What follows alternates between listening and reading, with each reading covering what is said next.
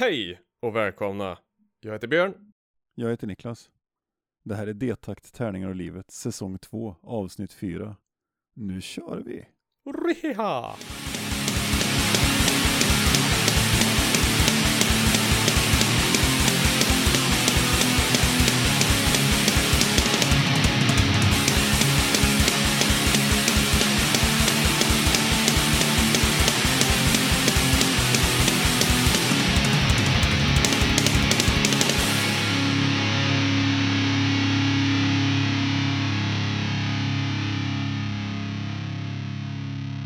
Hej och välkomna till avsnitt 4 av våran fina lilla podd som vi spelar in ibland.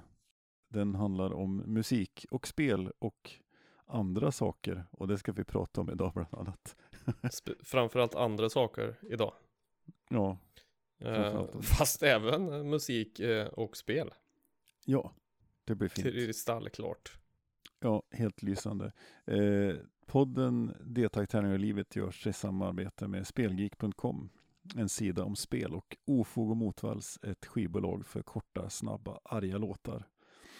Man kan besöka oss på Facebook och Twitter och Instagram och man kan kontakta oss på Facebookers eller skicka ett sånt där e-postmeddelande till dtakt.spelgeek.com. Inga frimärken, inga frimärken behövs då. Det är viktigt. Nej, viktigt. Inga frimärken på e-postmeddelanden. Nej. Bara så ni vet, ni ungdomar som jag aldrig e-postat förut. Och som kanske inte ens vet vad ett frimärke är för någonting, för ni är så jävla unga. Precis, och jag är inte bitter för att jag är gammal. Nej, framförallt inte det. Ja, Så, du kan ju berätta att man kan sponsra oss också. mm, organiserad eh, tiggeri har vi ju då i form av eh, Patreon. Och då kan man gå in där och bli en patron och ge oss lite eh, pengar i månaden för att om man tycker att vi är bra eller får ge oss pengar om ni tycker vi är dåliga också. Vi skiter i vilken anledning det är. Bara ge oss pengar. Patreon.com slash detakt och tarning. Precis. Då kan man betala en liten slant där. Det är mest för att vi ska ha råd att betala Stimräkningen som, som är ganska dyr för att vi ska kunna spela lite musik i podden. Jag kände att jag la inte till med den ödmjuka sidan där. Förlåt. Nej, du, du sålde inte riktigt in det. Nej, jag Men, gjorde eh, inte det. Men så kan det vara ibland. Man Hård kärlek. Ja, tough love it Mm. is yes. Så Mm. kan det vara. Ja, trevligt, trevligt. Du hintar ju i ditt förra soloavsnitt eh, att vi hade varit och spelat tillsammans. Det stämmer bra det, det gjorde jag. Men jag tänkte ju att jag sparar det tills vi är båda två så att det blir lite, lite matigare. Ja, det är bra. Det är Än en trevligt. grinig värmlänning som berättar om saker. Eh, vi var ju och spelade på Grindcore Family Weekend i Köpenhamn, en två dagars festival på ungdomshuset. Och där har vi varit förut och spela. Mm. Jag skulle få spela med båda mina band, både med Systemfel och Death Trap. Vi skulle spela med Death Trap på fredag kväll och Systemfel på lördagen. Vi spelade ju tillsammans i Death Trap och av en händelse så kunde inte Robert som spelar trummor i Systemfel, så då fick du hoppa in och spela i Systemfel också. Jo men, Och det var trevligt. det var det. Väldigt eh, roligt. Mm. En fantastisk liten tillställning det där. Ja, det är så jävla sköna människor känner jag. De är så jävla trevliga allihop. Alltid när, eller alltid när en kommer dit, låter som jag är där varenda helg. Men när en är där så är det bara hej och kram och vad roligt att ses. Eh, Och så, och då har jag ändå varit där en gång innan. Enbart. Precis. Ja men det är så jävla så här, det är verkligen familjestämning. Mm. Ja men det är gött och så lite lagom. Jag vet inte hur många biljetter de sålde i år men det brukar ju vara sen 150-200 pers kanske och, Ja, och så. så det, den, det enda var väl att vi skulle ju spela på fredag med Death Trap och eh, det drog ut på tiden. det gjorde det. Så vi, vi skulle ha spelat vid typ ett eller något sånt där, kanske till och med halv ett tror jag var från början. Ja, halv ett tror jag. Ja, och sen 22 tror jag vi klev på scen faktiskt. och Mm. började spela. Och då hade vi börjat dagen hemma hos dig i ditt hus och Mhm. repat på morgon med båda banden. Ja, lite grann med Death Trap men kört hela systemfelsset. och sen åkt minibuss eh, ner till Köpenhamn. Och vi hade ju chaufför i år. Ja, det är bra. Det tackar vi för. Ja, älskade Mattias Forsberg. Tack för det. Eh, och det var ju jättetrevligt. Ja, va? den, framförallt, den tjocke ABBA var det som körde. ja, precis. Eh, nej men det var ju- eh, att ha chaufför i en turnébuss är ju jättebra på pappret. För man tänker, då slipper man köra. Men då kör man ju inte heller. Så då finns ju risken att man dricker väldigt mycket öl istället. Mm. medan man åker i bussen. Så, och det gjorde vi ju. Så att man var ju inte riktigt på topp där 22 på fredag natt. Nej, jag börjar ju bli pinknödig, eller börjar bli pinknödig, jag har varit pinknödig innan också, men jag sa till Emil bara, bli inte pissnödig mitt ute på Öresundsbron nu. Det är inget bra. Och vem är det som blir pissnödig mitt ute på Öresundsbron? Det är Björn. Och sen är det en himla jävla felkörning där när vi kommer över också, så det var ju, jag tror, en mediumstor vattenballong hade jag nog i, inom mig. Precis. Vi hade kartläsaren Marcus som dirigerade Mattias någonstans i fel riktning. Så då fick vi stanna på en mack när vi hade tio minuter kvar till ungdomshuset för att Björn skulle kissa. Ja, Men, det, men så får bra. man göra. Det, det är turnélivet det. Ja, så är det. Var väl inte det värsta som hände i och för sig. Ja, Nej. kör på. Men det var ju trevligt. Då, Mm. Det gör vi ju gärna igen.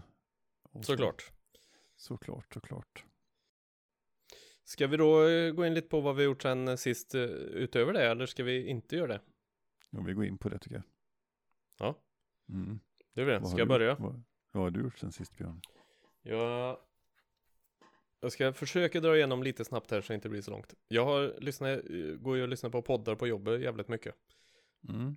Um, börjar ju med rollspelsklubben som jag tycker var väldigt roligt. Men nu är det inte lika roligt längre. Det har liksom eh, dött av lite. Det är ju fortfarande roligt att lyssna på men det Jag hittade en annan som heter rollspelsradio.se där de spelar eh, MUTANT Genlab Alpha. Okej.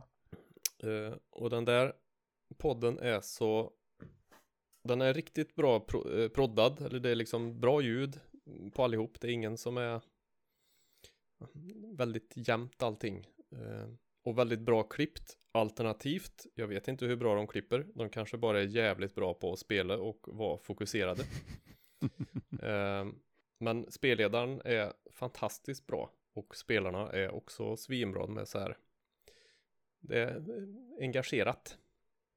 Vad kul. Nu måste jag kolla, måste jag kolla in. Jag har faktiskt inte lyssnat på den. Nej, tyvärr så ska du vara med och spela MUTANT Genlab Alpha så ska du inte lyssna på den. För det finns, vad jag vet, bara det, den kampanjen. Och jag råkar ju ha MUTANT Genlab Alpha och hålla på och läsa regler som är en annan grej som jag har gjort sen Ah, sist. då får jag ge fan i det helt enkelt. Ja, eh, bra tänkt. Mm.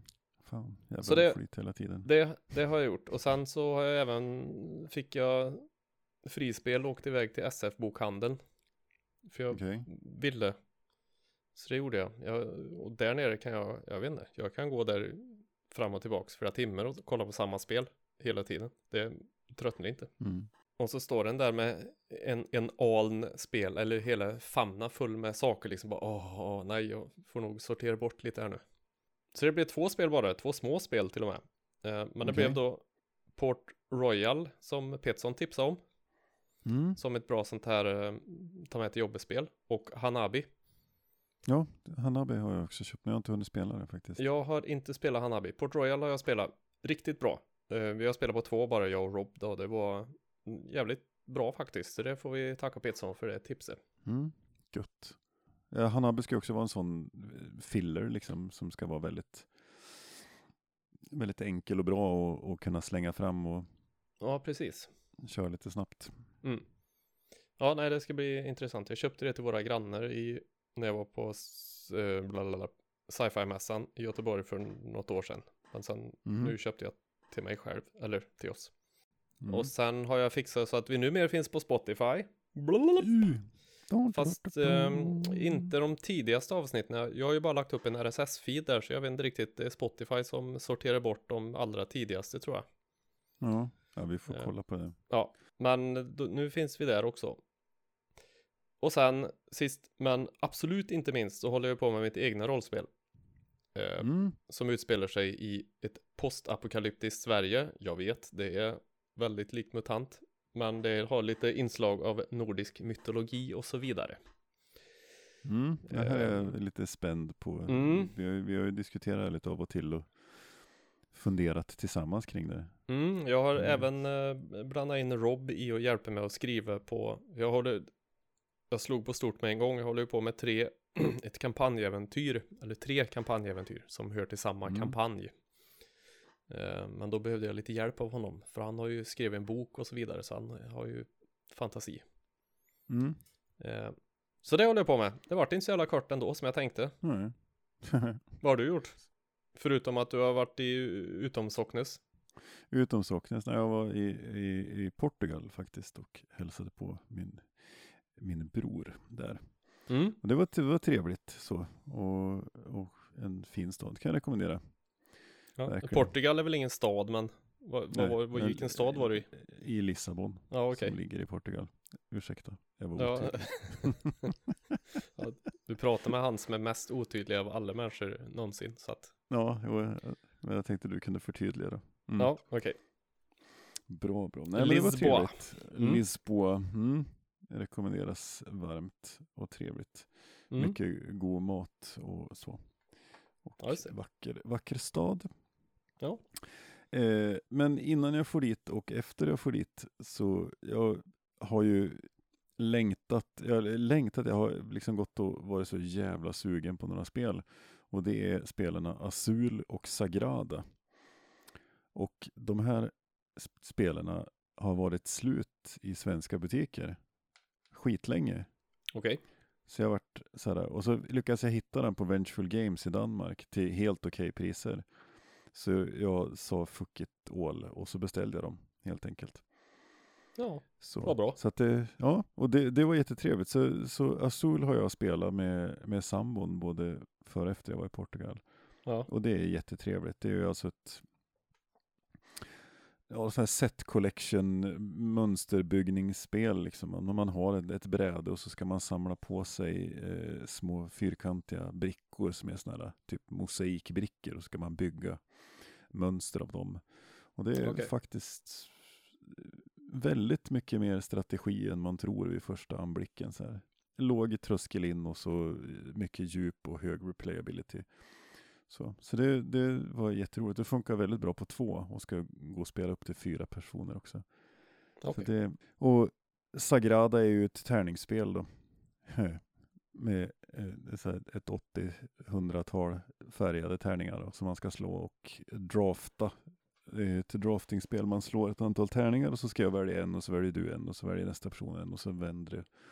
Och så väljer man tillbaka och så ska man bygga ett mönster som man har framför sig utifrån vissa regler där eh, röda tärningar får inte vara bredvid varandra, fyror får inte vara bredvid varandra och så vidare. Och sådär. Och det är också riktigt trevligt. Jag har solo, alltså jag har gjort en dry run med två personer själv, två spelare själv liksom bara för att testköra och det, ska, det ska bli roligt. Och där har jag även fem, sex, fem och sex spelare expansionen också. Så det ska vi köra tänkte jag på våran spelgrupp här i stan någon dag. Mm. Coolt. Så. Och sen så, som någon kanske har sett, så har jag postat en, eh, en unboxing på Dinosaur Island Extreme Edition. Äntligen kom det. Ja, just det. Jo, men jag har faktiskt sett att du har lagt upp, men jag har bara kollat början. Mm. Jag tröttnade. Jag gick och Ja, mig. ja Nej, precis. Jag förstår. Jag ska kolla sen. Mm. Kolla färdigt. Nej, men det, det, och, det har vi spel. Jag har gjort en dry run först själv med två spelare och sen så har jag och sambon kört två varv idag. Mm. Och det, det är faktiskt riktigt bra. Jäkligt fränt. Det och vem, ja det här har vi ju pratat om tidigare liksom, när man ska bygga helt enkelt sin egen Jurassic Park. Ja. Genom att, genom att drafta DNA från tärningar och sen ska man köpa recept på dinosaurier och så. Ja, Ja, det är snyggt uppbyggt i flera faser. Man, man gör det både drafting och sen så är det liksom lite köp och sälj och sen är det lite worker placement och sen, alltså det är flera delar i det och det, och det flöt på väldigt bra, måste jag säga. Okej. Okay. Så det blir spännande mm. att köra det vidare. Sen så igår kväll så hade jag den stora äran att få visa film på bio.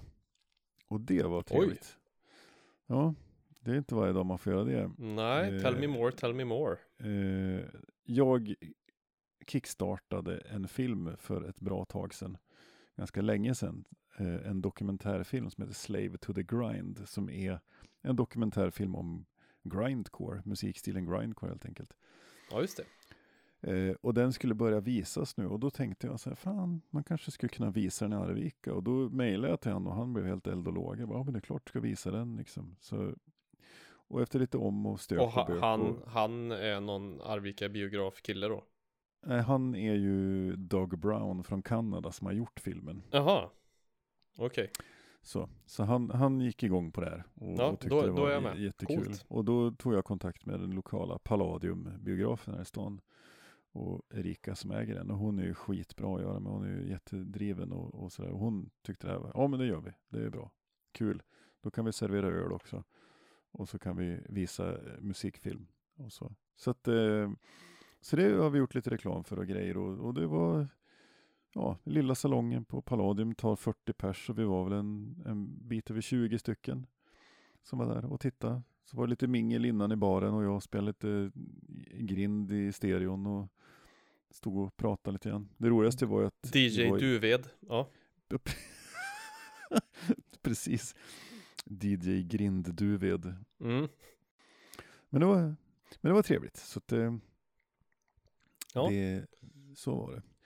Och eh, det, var, det var ju under Klubb Motvalls flagg då. Under liksom Bio Motvalls. Så. Okay. så, det, så det var trevligt att prova. Så jag fan, vart jag lite sugen på att visa fler. Kolla om man kunde visa fler filmer. Liksom. Mm. Göra eh. Jag får ju eh, Commando Ninja. har jag backa. En fransk kille som gör någon slags eh, Rambo-spoof. Okay. Med dinosaurier och grejer. Eh, den ska komma i oktober faktiskt, så den borde dyka upp här snart. Låter ju helt kan du få se om det. ja, du kollar på Kickstarter för att se Commando Ninja. Commando Ninja, ja. ja. Fint det. Ja. Ja, och eh, sen så tänkte jag passa på att pusha lite, göra lite skamlös reklam för den 9 november. Då ska mm. vi köra en klubb motvalls i Arvika med Contorture, Heavy Bleeding och Kommando. Eh, Contorture Heavy Bleeding är lite sådär eh, käng D-takt från Göteborg. Och så har vi ett lokalt metalband som heter Kommando som, som ska spela support. Så det blir jättetrevligt på lokala Vilmas här i Arvika som också har renoverat sina lokaler svinbra. Så det är skittrevligt där inne. Mm. Jag var in där i, igår och det var eh, riktigt mysigt. Så. Gott, gott. Mm. Så jag tänkte att vi, vi spelar en låt med Contorture så ni får höra hur de låter. Detta fina band som kommer och besöker Arvika den 9 november på Klubb Motvalls på Vilmas. Let's do it. Här kommer den.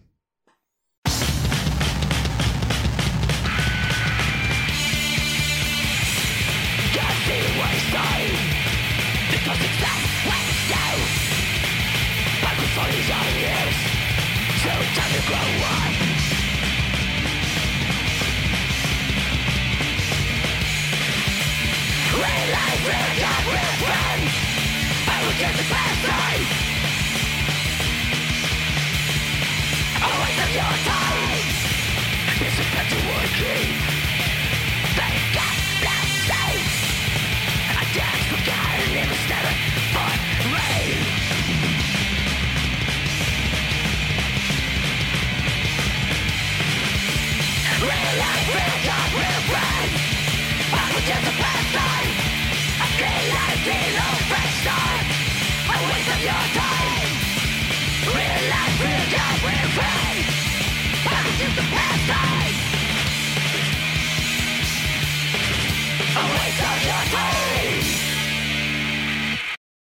Ja, så kan det låta.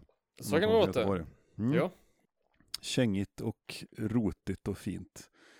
Så. Bus buskigt. Ja. Ja, buskigt. Det, det är fint. Men det, det blir trevligt. Ja, det ska, det borde bli gött ja. Mm. Hoppas det kommer lite folk så blir, kan det bli lite stökigt och, och lite armbågigt framför scen tror jag blir, kan bli trevligt. Buskigt framför scen kanske. Lite buskigt framför scen, precis. Mm. ja, då har vi kommit fram till den fantastiska punkten där jag ska recensera en film som jag du bad mig att titta på. Ja, då fick ja. du en av mig där ja. Mm. Den fantastiska Big Ass Spider. Mm. Jag är lite spänd här. Mm.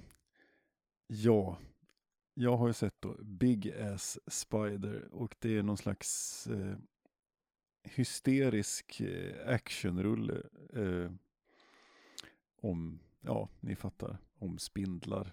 Eller om, i första hand om en spindel. Jajamän. Eh, och eh, ja, jag, jag kan ju inte avslöja allt för mycket om storyn, för, för den, ja, man, man kastas ju in i någon slags händelseförlopp och sen får man liksom ingen förklaring för, för på saker förrän i mitten av filmen. När det har hänt en massa konstiga grejer och, och sådär. Eh, det handlar om en, en, en kille som jobbar som exterminator, eller vad man ska säga. Typ Anticimex. Eh, ja, precis. Anticimex fast, fast i USA. Fast i USA och eh, ja, och han kommer in på ett sjukhus för att han har blivit spindelbiten och där händer en massa grejer och dyker upp militärer och stora spindlar och grejer. Och sen är det liksom en, en ja, det är som en lång biljakt hela filmen från början till slut. Och det, så, det, det bara fortsätter och fortsätter. Uh, ja, det, det, den var intressant. Det, den, framförallt att den, den hade ju alla klyschor.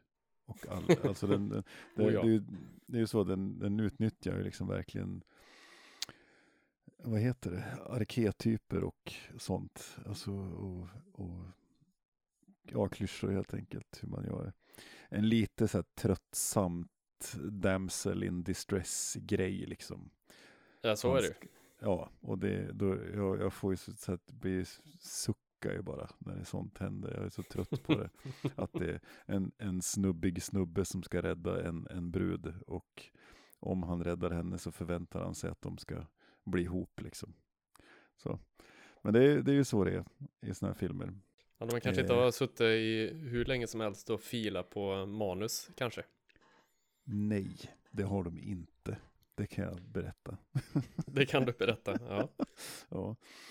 Nej, men det, det var ju en, en, en fin filler sådär. Det finns ju några fantastiska ögonblick i den. Framförallt eh, eh, någonstans mitt i filmen så plötsligt så blir filmmusiken någon slags punk eh, trash hardcore musik liksom. Det är, in... är det under biljakten var det inte det? Ja precis, ur ingenstans. Då det var liksom så här vanlig filmmusik hela filmen.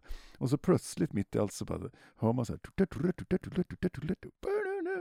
så här värsta öset. så det, det, ja. Och sen kommer det ett tillfälle ganska sent i filmen. Han, är ju liksom, han jobbar ju som antisimex-snubbe och har liksom varit lite rädd för vapen och så. Han har ju någon slags hemlig sprutpistol med sig där han ska spola något hemmagjort eh, spindeldödargift på den här spindeln. Men så plötsligt i slutet av filmen, då är han värsta gunslingern. Då sliter han upp två pistoler och, och prickskjuter små spindlar på liksom 25-30 meters håll. Bara, och skjuter ner dem direkt liksom. Och små spindlar i det här fallet, i den här filmen, då är de ju så här, kroppen är väl fotbollsstor då kanske. Ja, precis. Är ändå rätt så. stora, men ja, mm. I get your point. Mm. Ja, det, det, kommer liksom ur ingenstans, man så här, vad fan blir det? Jag tycker, att, jag tycker att folk borde se den, jag kollade ju på den här i morse, mm. igen. Uh, jag inser ju att den, jag tycker den är helt briljant. jag älskar ju han uh, security-snubben. Det är ju så, de har ju så jävla roligt samspel. Ja, ja.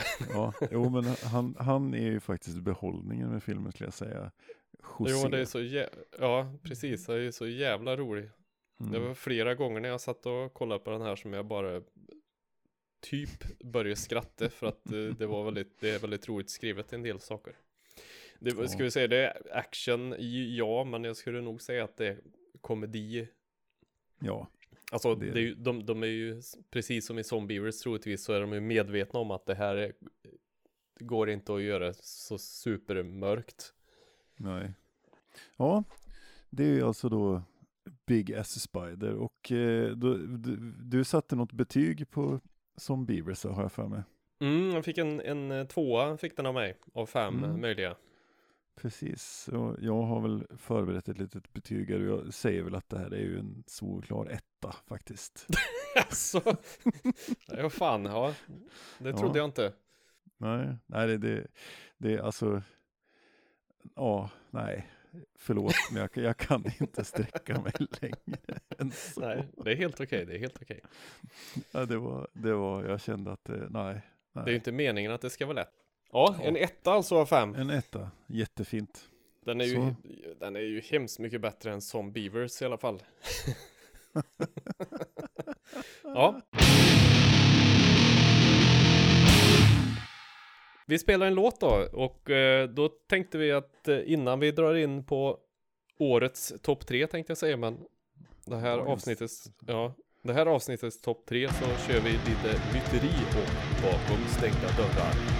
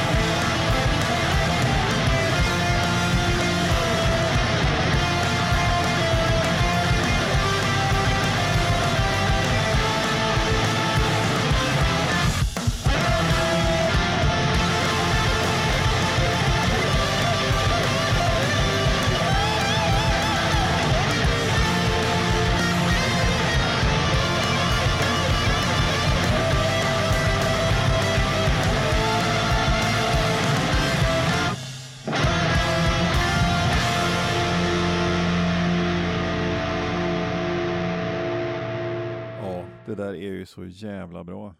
Fan vad bra det är. Myteri är ju fina, fina människor. Yes, Ja, ska Då. vi då segwaya in på dagens ämne? mm, Eh, jag. Från Big Ass Spider så eh, det kan ju många i världen som har eh, fobi för spindlar. Så då segwayar vi in oss på våran topp tre fobilista. Och eh, ja, och jag är ju en av dem som är spindelrädd. Mm. Men har du fobi? Ja, det vet jag fan. Eller Alltså, tycker du jag- bara att det är otrevligt? Nej, det, jag har ju varit väldigt rädd. Sen har jag faktiskt, det har blivit mycket, mycket bättre. Så Mm. Jag är inte lika, men jag har varit så, sådär, hoppa upp på stolen och skrika rädd liksom för Mm. spindlar. I falsett Gärna och Mm. ofta. med vibrato? Ja. Mm, Eh, Lite så. Ja, jag, jag, jag kan inte säga att jag gillar spindlar, men eh, vi hade ju när vi köpte vårt hus i Arvika så hade vi ju bara dusch i källaren. Mm. Eh, av någon jävla anledning. Vi byggde en annan sen. Men då var det bara dusch i källaren och när man skulle gå ner där och duscha så var det ju källarspindlar som typ satt på trappstegen ner i källaren och tittade på en och väste ens namn och så vidare. Då, då var det ju lite jobbigt. Man hörde dem, eh, lät, det lät liksom tapp, tapp, när de kom och sprang över Mm. golvet. Nej, Åh, fy fan vad hemskt. nej, nej, nu överdrev jag lite. Ja, Eller ganska mycket. Men sen dess i Mm. alla fall så är jag inte lika, alltså, ser jag en spindel så blir jag inte rädd. Men jag vill inte ha dem på mig ändå. Ja, Alltså- nej, för om vi ska definiera fobi så är det ju, det kommer ju från grekiskan. Eh, Mm. Fobia, om jag uttalar det rätt. Och eh, phobos, som då, det betyder fruktan och skräck. Och det Mm. är ju då en intensiv irrationell rädsla för bestämda företeelser, till exempel ormar eller trånga rum. Och jag menar, Mm. var går gränsen för när blir det fobi och när är det fortfarande bara jävligt obehagligt? Precis. Typ. Ja. Det finns säkert någon, någon, någon som läser KBT där ute som kan tala om för oss exakt vart gränsen går. Mm, Så får vi reda på det. gör det. Eh, Någon. Eller någon som har fobi som kan eh, förklara, förklara. Mm. Så, såvida han inte har fobi för att förklara saker, gör då inte det. Mm, Ja, precis. Fobi för att förklara saker. Det, ja, för det finns ju jävligt mycket ro, alltså, och nu är det ju lite som med ditt förra avsnitt här. Ja, det är jättetragiskt att ha en fobi ja, och vara rädd för saker. Det klargör vi inledningsvis här. Men vi väljer ju också att se att det finns en ganska stor humor i vissa där. Folk lider av ha fobier, men vi, vi väljer att skratta lite åt fobier för att de är lite roliga också. ja. Så kan vi säga. En, en del som är väldigt, väldigt svår att förstå, men däremot inte sagt att att det är mindre allvarligt. Eller hur Nej, man nu ska ut, uttrycka sig. Ja, och jag tänkte, det, det finns ju några, några eh, fantastiska, vi ska göra en topp tre-lista men vi har ju några som, jag tänker, alltså, panfobi Mm, är ju, det, det är ju min det, rädslan för allt. Ja Den precis. tycker jag är lite, den är lite rolig. ja, rolig och rolig, jag vet inte. ja. Men fy fan Men- vad det ska vara jobbigt att leva. ja, men lite så. Det, det är ju det. att är det någon som det är så- eh, pa, panofob, eller panofobi har jag läst också någonstans Mm. att det står. Eh, Om, är det någon sån så lär de ju vara inlåsta för länge sedan, typ. Ja, Eller gå på så. så, tjocka mediciner så att det liksom inte ens ja, och det, det är lite samma som fobofobi också. Att man är rädd för att få fobier. Ja, precis. Ja, den eh, Den, den det- hade jag nog Nej, den hade jag nog inte med på min eh, bubblalista här Nej. Men jag har ju läst jag- det där också Mm. Ja, Jag tänkte, de är så, så stora och omvälvande så de får man, kan man ju liksom avklara innan mm. just. Om, om vi tar en väldigt smal fobi då som eh, Om jag får börja andra änden Så har du ju Mm. pappafobi som är rädsla för påven Den är väldigt smal Den tänker jag också att den är ganska lätt att Det är ganska lätt att undvika påven Ja, När man så. går ut och går eller så om det inte är så att man skiter ner sig för att man ser en bild på påven, för då kan det vara lite jobbigt. Och tänk vad det skulle vara VM i och jävles med den människa Då skulle jag ha en bild på påven i bakficka hela tiden Ja.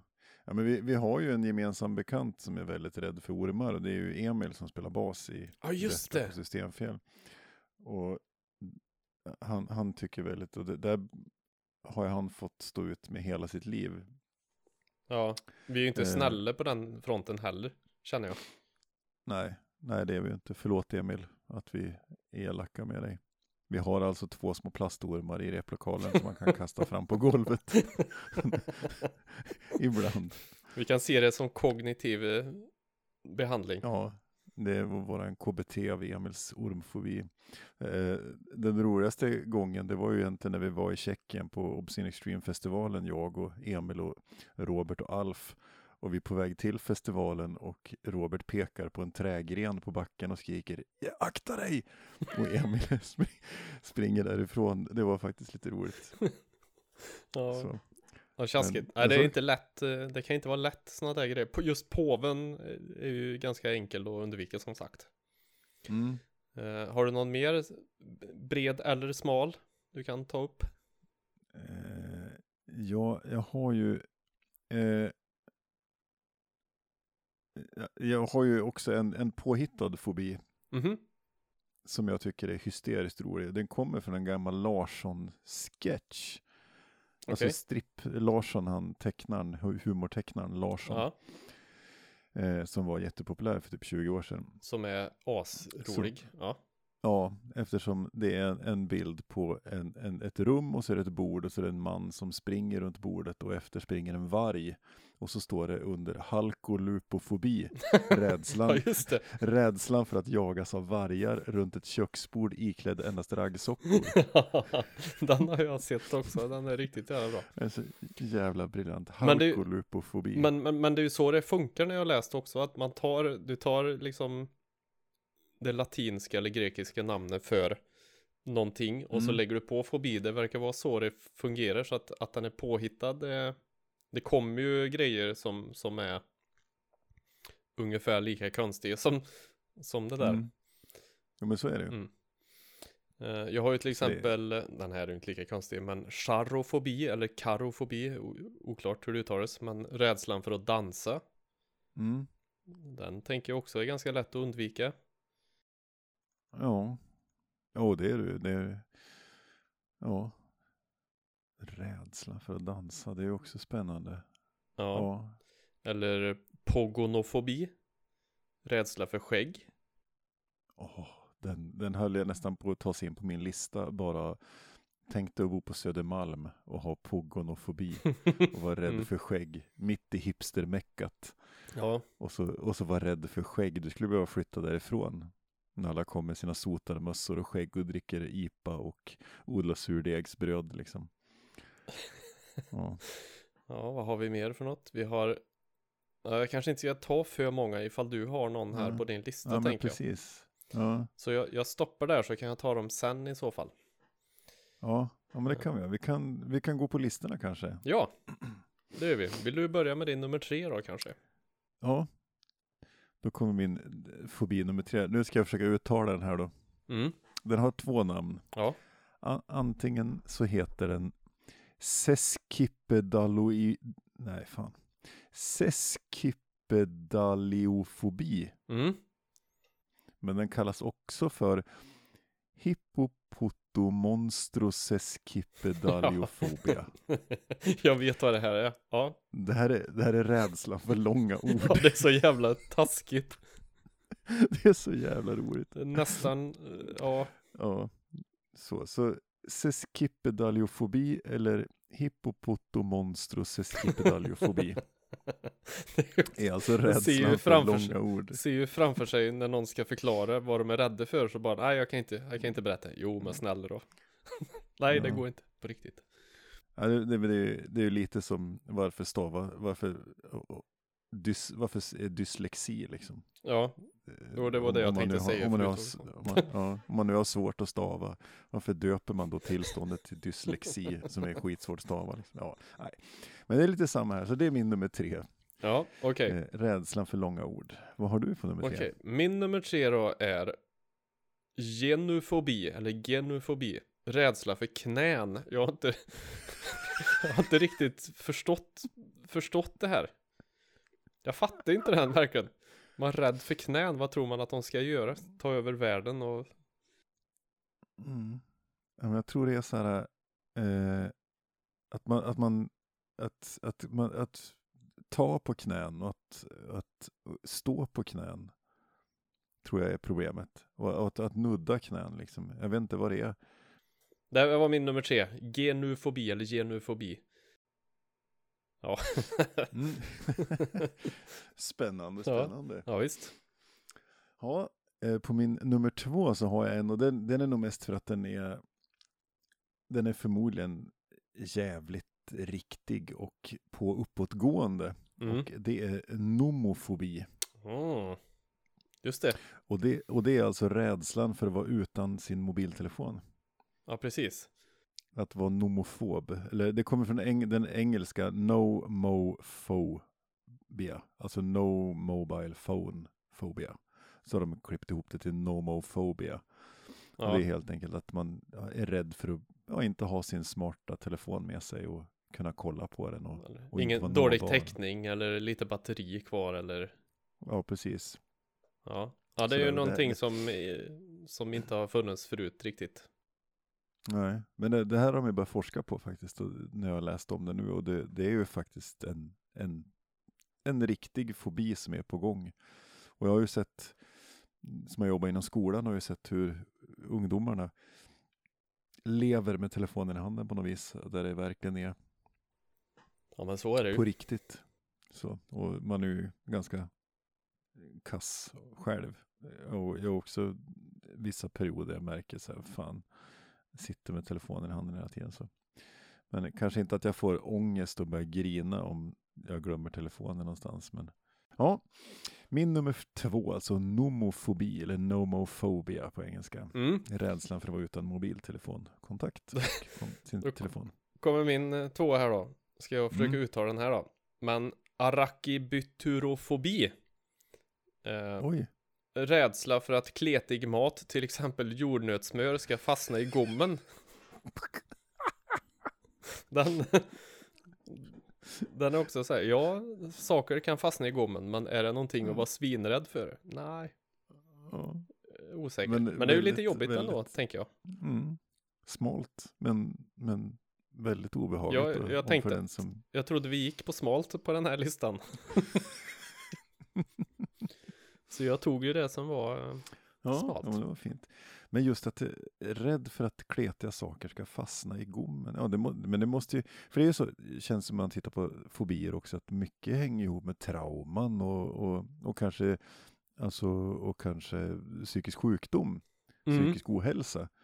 Det är det som gör att det i vissa fall är svårt att skratta åt fobier också, eftersom det faktiskt beror på att man har råkat ut för trauma liksom. Jo, ja, vi, ju, vi, ju- vi, det gör vi ju verkligen nu, eh, skrattar Ja. åt det, men som sagt, det, alltså, det ligger ju någonting bakom det här. Det är ju inte bara så att det har uppstått troligtvis. Nej, nej. Nej. Och Ja, det är ju då den där med knän då som är lite skeptisk, det, den har nog bara uppstått. Ja. Ja, tar vi din nummer ett, eller? Vart är vi? Min, är min nummer ett, precis. Mm. Nu jävlar ska det uttalas. Eh, nu lutar jag mig fram här och tittar tydligt på min dataskärm och så ska jag säga Hexacosio i hexekonta hexafobi. Och det vet jag också vad det är faktiskt. Hexacosio i hexekonta hexafobi. Ska jag berätta vad det är? Och- Ja, Det är rädslan för siffran 666, yes. eller? Ja. Precis, det är rädslan för 666. Eh, och jag kände att det var, det, det var en sån där obvious, liksom, Du-grej. en, en Niklas måste ta den här. Just för att det är 666. Och det, det kommer ju från eh, Uppenbarelseboken. Eh, Ja. 1318 där eh, det står att, eh, ja egentligen, att odjurets tal eller satans tal är 666 och det är det. Så här, här finns det ju både de som menar att, att man skulle liksom ha en fascination så att just talet blir en fobi. Det är ju, då har det ju gått långt liksom. Ja, och så undrar jag också varför måste odjuret ha ett tal? Alltså Ja, vad, är, det- vad är den praktiska funktionen att odjuret har ett tal? Det får du fråga Johannes döparen om när han Ja. skrev Har du hans mailadress eller?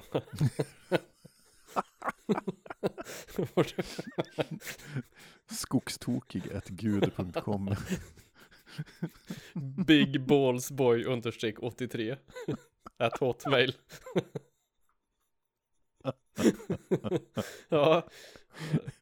Ja okej, okay. jag bara saker som, som slår mig Ja, ja, den får vi ta. Det, det är ju samma där. Är det någon som sitter inne med den här fobin så får ni gärna höra av er. Alltså, det vore ju otroligt intressant. mm. Eh, och det var ju ganska aktuellt eh, för den 6 juni 2006 så blev det ju då 666. Så där, där var det faktiskt eh, var rapporterat för, alltså var kvinnor som var oroliga, kände oro för att föda sitt barn på den dagen.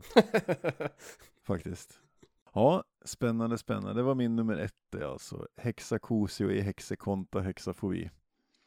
Rädslan för numret 666. Ja, det var ballt.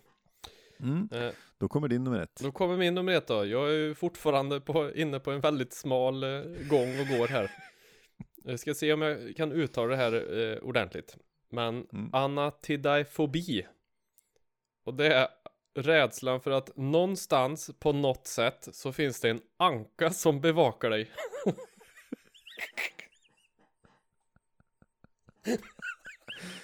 Den här tror jag är en, är inte det här en Larsson? Det kan mycket också. väl vara så, men det var så väldigt, väldigt, väldigt roligt. Det är ju lika osannolikt som rädslan för 666 egentligen. Ja. Ja, anatidifobi, rädsla för att du är bevakad av en anka någonstans på något vis. Hysteriskt kul. Så, och så kom källkritiken in där igen. Mm. Jag har inte kollat efter, men det lät väldigt roligt. Ja, det var Ja, min, min nummer ett där. Att en anka tittar på dig. Ja, ja men då, så kan det vara. Jag har en, en, en sista fråga till eh, våra lyssnare faktiskt.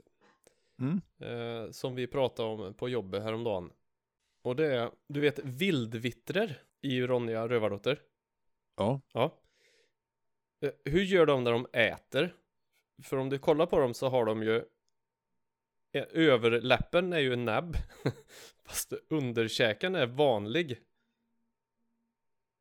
Det är första frågan om någon kan förklara för Ja. mig Eh, Det måste Det kan ju omöjligt vara praktiskt Och fråga nummer två eh, Angående Mm. vildvittrer är Har de kloak eller hur fungerar det? Som vanliga fåglar det är ja, du tänker själva det- det, det det vill man säga har ätit ska komma ut där bak. Ja, gör de en sån måsbajs med avföring och kiss i ett? Eller hur funkar det? Det är de två frågor jag vill eh, skicka med ut till de som lyssnar. Ja. Som kuriosa kan jag säga att eh, min eh, lärare från när jag gick på folkhögskola i Dalarna, hon är en av de som har gjort rösterna till vildvittrarna i Ronja Rövardotter. Ja. Okej.